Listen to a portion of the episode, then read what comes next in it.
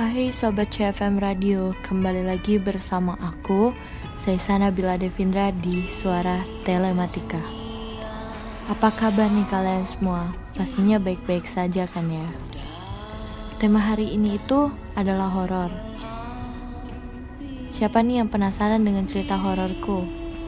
Tapi sebelum aku cerita tentang hororku, aku mau pastiin kalian udah follow IG at CFM Radio IT Telkom.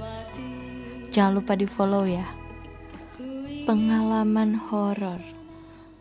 Hmm, banyak sih cerita horor dalam hidupku. Tapi aku ngambil satu aja ya. Jujur, aku tuh dibilang penakut tuh enggak gitu loh. Tapi anaknya nggak berani-berani juga. Dari kecil, aku emang udah biasa tinggal di daerah rumah sakit gitu. Di depan rumahku, persis nih di depan rumahku, itu tuh kamar mayat. Kebayangkan kalian tinggal di depan kamar mayat.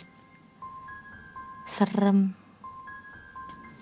Setiap hari aku tuh selalu dengar suara-suara aneh gitu. Ada yang nangis minta tolong. Ada suara nenek-nenek. Ada suara yang sedang berpidato. Ada suara nangis. Pokoknya banyak suara deh yang tiap harinya aku dengar. Tapi ya mau gimana lagi? Emang udah lingkup area rumahku kayak gitu, ya udah biasa aja sih. Sebenarnya dibilang takut, ya takut.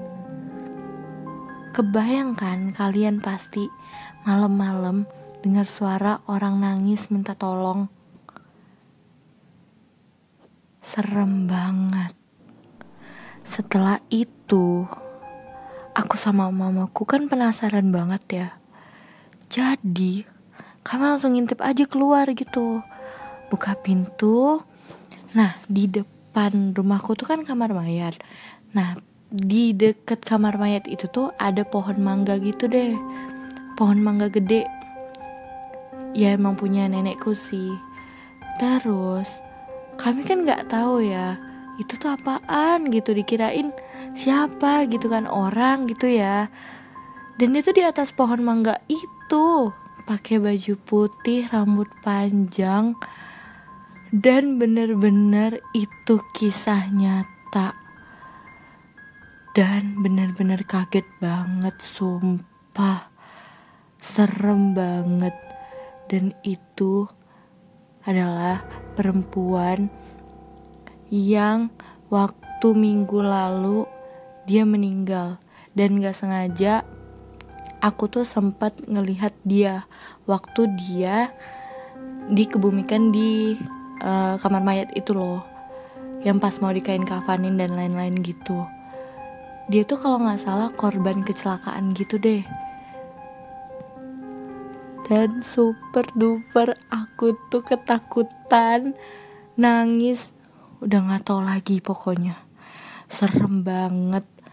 Perempuannya itu tuh rambutnya panjang pakai baju putih dan mukanya tuh hancur gitu. Dan kebayang dong dia duduk di atas pohon mangga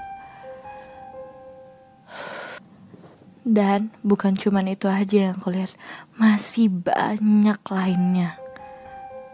Dan itu dari kecil. Ya dibilang terbiasa juga nggak terbiasa-biasa banget gitu loh. Pokoknya serem deh. Kalian pasti kebayangkan jadi aku yang punya rumah bener-bener di depan kamar mayat. Yang kita nggak tahu kan orang meninggal itu tuh bisa aja tiap hari kan. Ya udah gak ngerti lagi deh pokoknya ya itu aja sih cerita horor ke hari ini tunggu cerita horor-horor ke selanjutnya ya dan tentang rumah seremku. Pasti kalian ngebayangin rumahku serem kan? Tapi kenyataannya enggak kok, kayak rumah kalian biasa pada umumnya. Terima kasih dan selamat menikmati. Salam Wong, kita galau.